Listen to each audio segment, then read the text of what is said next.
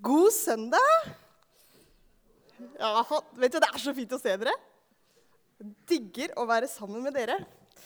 Jeg heter Malin Malmgren Johannessen og er eh, så heldig å være ungdomspastor her i SMK.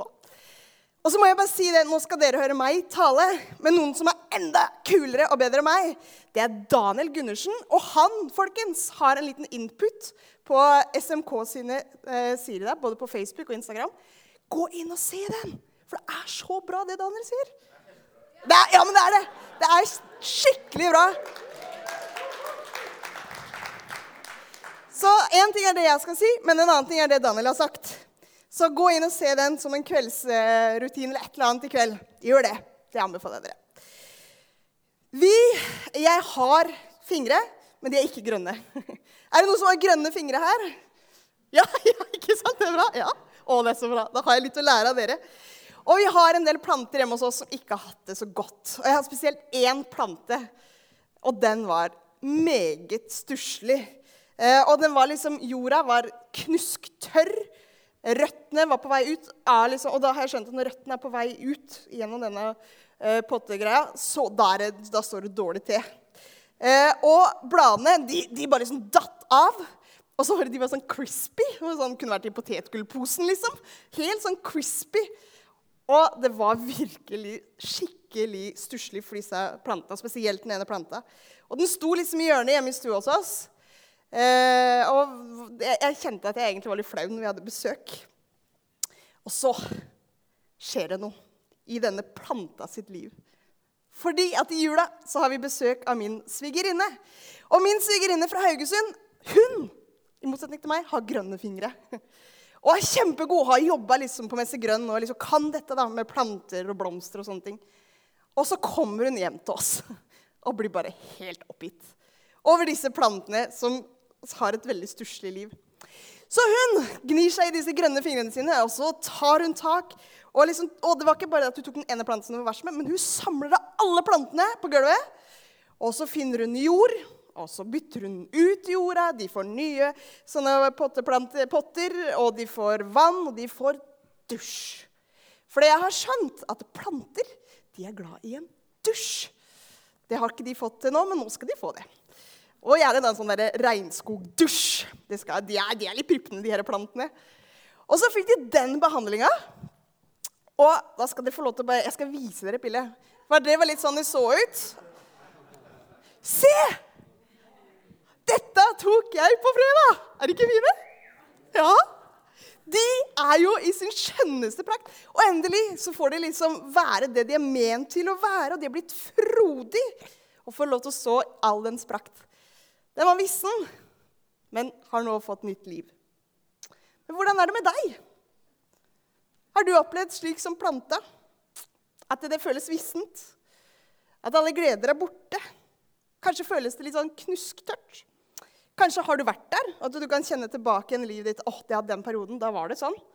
Eller kanskje kommer det til å komme en eller annen gang. Eller kanskje er du der akkurat nå, hvor du kjenner at åh, det er knusktørt.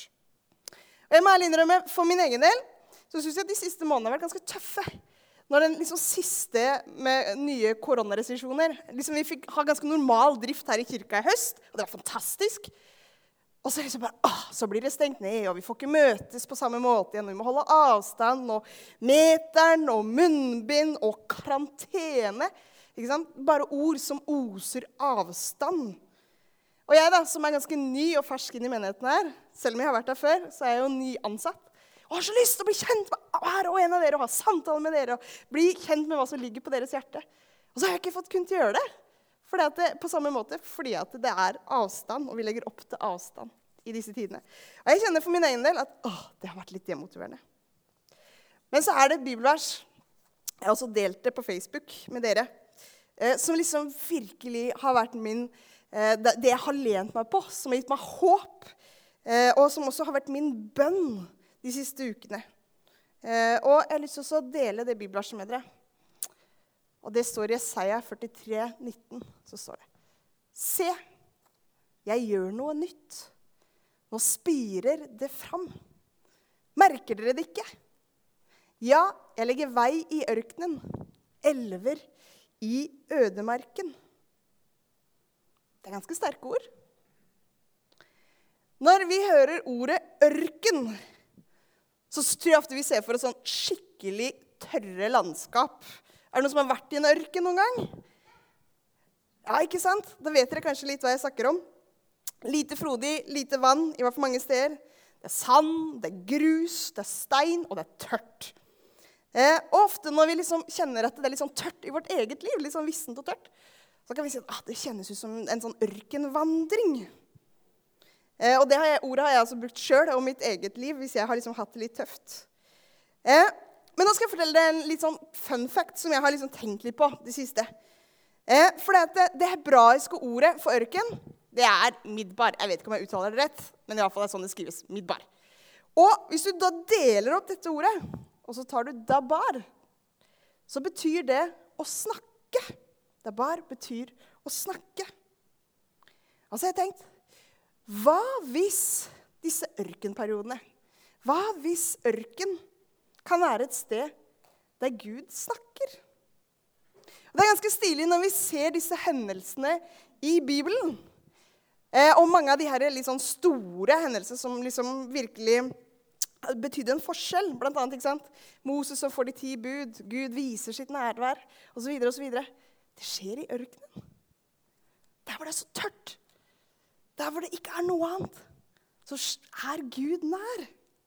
Og han viser seg så til stede med sitt nærvær.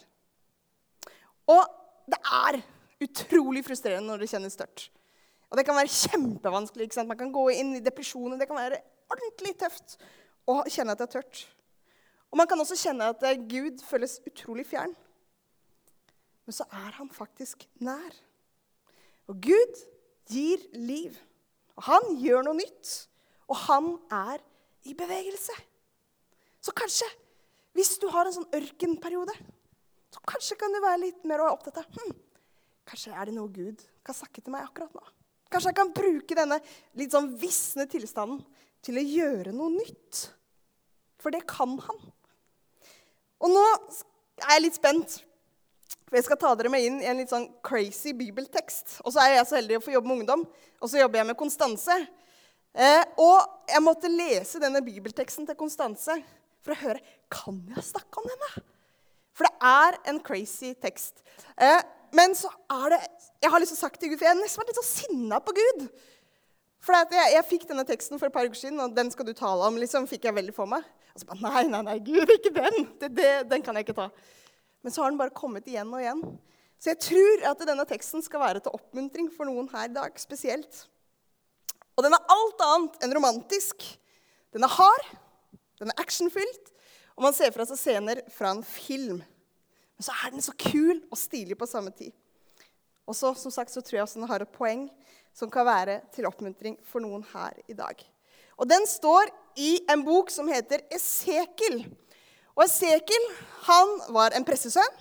Han var også press selv, og så var han også profet. Eh, og Gud viste han mange ting. Og Vi skal nå inn i en av disse synene som han fikk. Og Nå skal vi lese det sånn som det står i Bibelen. Og så håper jeg at det kan være til oppmuntring for noen her i dag. Esekel 37, 1-10. Herrens hånd kom over meg. Ved Herrens ånd førte han meg ut og satte meg ned i en dal som var full av knokler. Han førte meg omkring blant dem.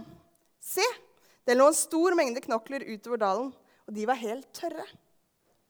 Da sa han til meg, 'Menneske, kan disse knoklene bli levende igjen?' Jeg svarte, Min Herre og Gud, det vet bare du. Og han sa, Tal profetord over den, disse knoklene og si til dem, tørre knokler, hør Herrens ord. Så sier Herren Gud til disse knoklene, se, jeg lar det komme ånd i dere, så dere blir levende. Jeg fester sener på dere, legger på kjøtt, trekker hud over og gir dere ånderett, drett så dere blir levende. Da skal dere kjenne at jeg er Herren. Jeg talte profetord slik jeg hadde fått påbud om. Se, jeg profeterte, og det begynte å buldre og skjelve. Knoklene la seg inn mot hverandre. Knokkel mot knokkel. Jeg så og se, det kom sener og kjøtt på dem. Og hud ble trukket over, men ånd manglet de. Da sa han til meg, tal profetord til ånden. Mennesket, tal profetisk og si til ånden. Så sier Herren Gud, kom ånd fra de fire vindretninger, og blås på disse drepte, så de blir levende. Jeg talte profetord slik han hadde befalt meg, og da kom det ånd i dem.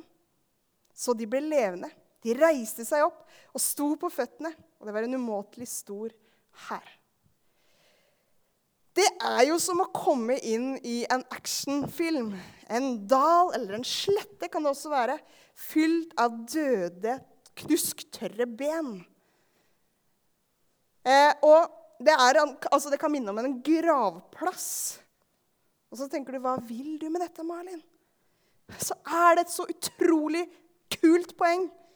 Og det er at med Guds ånd så ble disse tørre bena levende. Og Det fortelles liksom hvordan det hele begynner å buldre. Og det står faktisk at det begynner å klapre. Jeg syns det er litt sprøtt ord å bruke i den settingen, for da får jeg en del bilder. Og det kan hende at disse bildene stemmer litt. Og, blir, og så blir benet da fylt av sener, av kjøtt og hud. Bare det, kult, det i seg selv er ganske stilig. Men så er det et poeng til som er så kult. For benene trekkes dit de skal. Disse visne, tørre bena blir satt på plass akkurat der de skal være. Og så blir disse skjelettene bygd opp til fullstendige menneskekropper. Og så kommer Guds ånd og gjør det levende. Hva gir denne litt crazy teksten oss? Hva har den å si for oss i dag, i 2022? Og hvorfor snakker jeg om denne? Det første jeg har lyst til å si, er at er Gud gir deg håp. Hvis du dykker ned til neste vers, så sier, klager disse israelittene, og så sier de Våre knokler er tørket inn. Vårt håp er knust.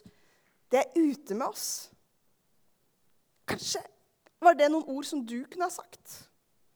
Hvordan er det med deg og ditt håp, dine drømmer? Kanskje kjenner du deg veldig igjen i dette. Vårt håp er knust. Kanskje er det et eller annet som skjedde i livet ditt som ikke blei sånn som det var tenkt. Om det kan være sykdom eller dårlig økonomi eller noen drømmer du hadde som blei knust. Pandemien som har satt deg helt ut av spill. Gud føles så fjern. Du var før ivrig i troen, men nå føles det knusktørt. Det er et ork å gå i kirka, og det å ta fram Bibelen og lese Bibelen, det er bare et styr. Og du føler deg vissen. Kanskje er det noen som kjenner på det. Men da kan denne rare historien minne oss på noe viktig. For kjære menighet, håpet er ikke ute. Livet er ikke over. For Gud gir de tørre bena liv igjen. Og så setter han det på plass. Og benene blir da satt akkurat der det skal være, der det hører hjemme. Og Gud ser ditt liv. Han kan gi liv i gamle visjoner og drømmer. Han kan skape nye visjoner og drømmer, nye håp i ditt liv. Og det minner denne teksten her oss på.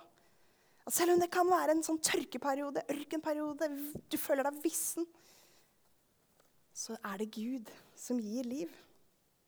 Og da har jeg en utfordring til deg. Hvis du kjenner at ah, ja, jeg kjenner meg litt igjen i den der planta, i disse tørre bena.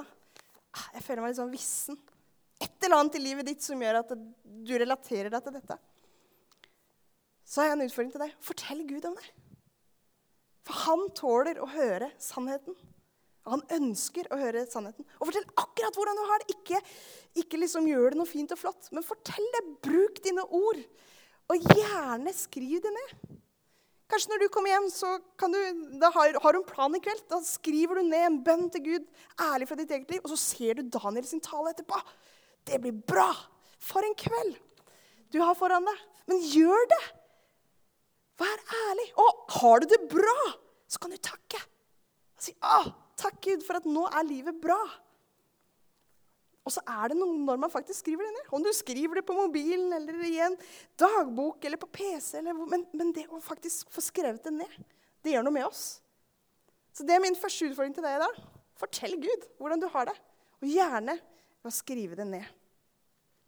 Og det andre det kjenner jeg river om ikke enda mer i meg.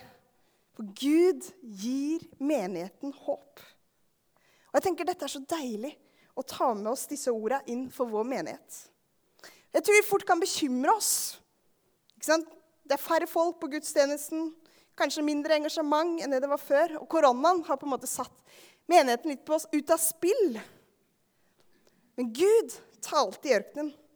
Gud gjorde knusktørre ben levende. Og han vil ta hånd om vår menighet. Han vil gi SMK nytt liv, nye drømmer og nye visjoner. Og denne menigheten har betydd så enormt mye for meg. Og På lederskapssamling på torsdag så snakket vi om alt som har skjedd i dette bygget. Hvor mange dette bygget har betydd så mye for. Hvor mange som har bøyd kne og sagt ja til Jesus i det bygget her. sånn. Tenk på det. Og det gjorde faktisk jeg selv også.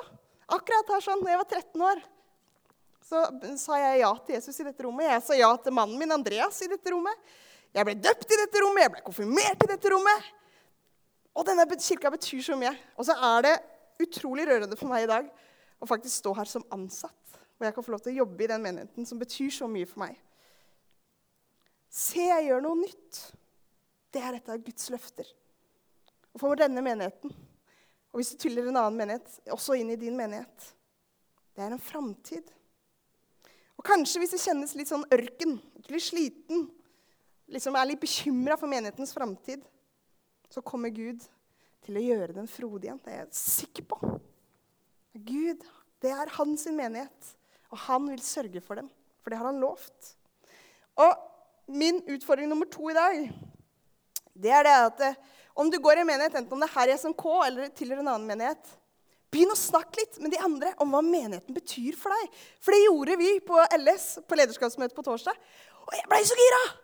For det er så mye bra som har skjedd i denne menigheten. Snakk om det! Fortell hvorfor du begynte i denne menigheten eller den menigheten du går. Fortell hva Gud har vist deg her eller der du er.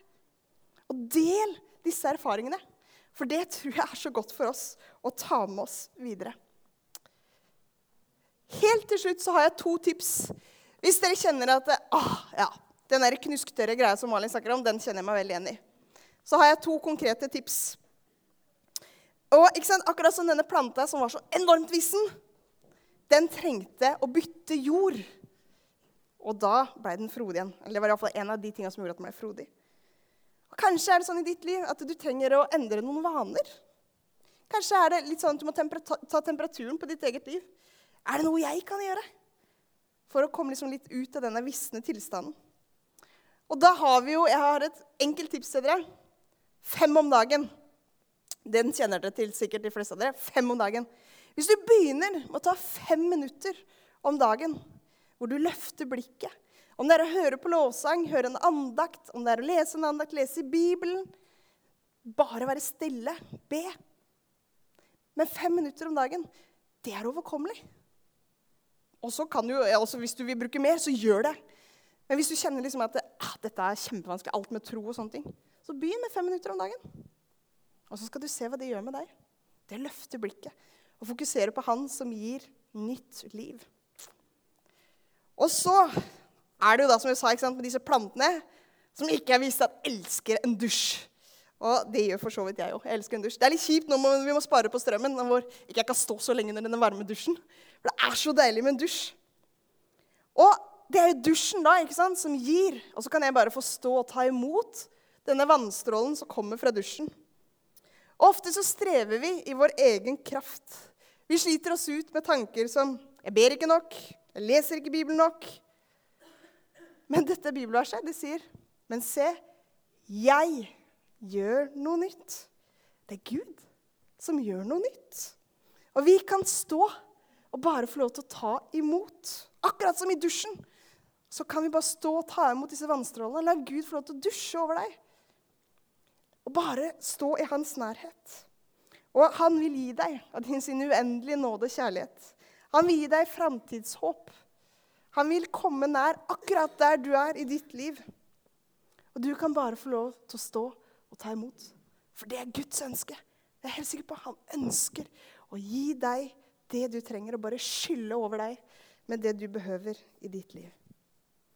Gud gir nytt liv, både for deg som enkeltperson og for oss som menighet.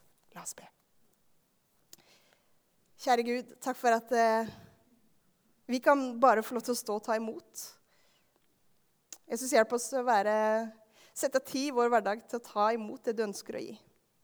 Hjelp oss å se det livet som du gir. Og Du ser de som kanskje kjenner ekstra på dette, at det er knusktørt. Enten om det er tro eller om det er andre ting som gjør at det kjennes vissent. Kom med liv. Pust inn nytt liv, Jesus, i de livene, far. Takk for at du er til stede. Alltid. Amen.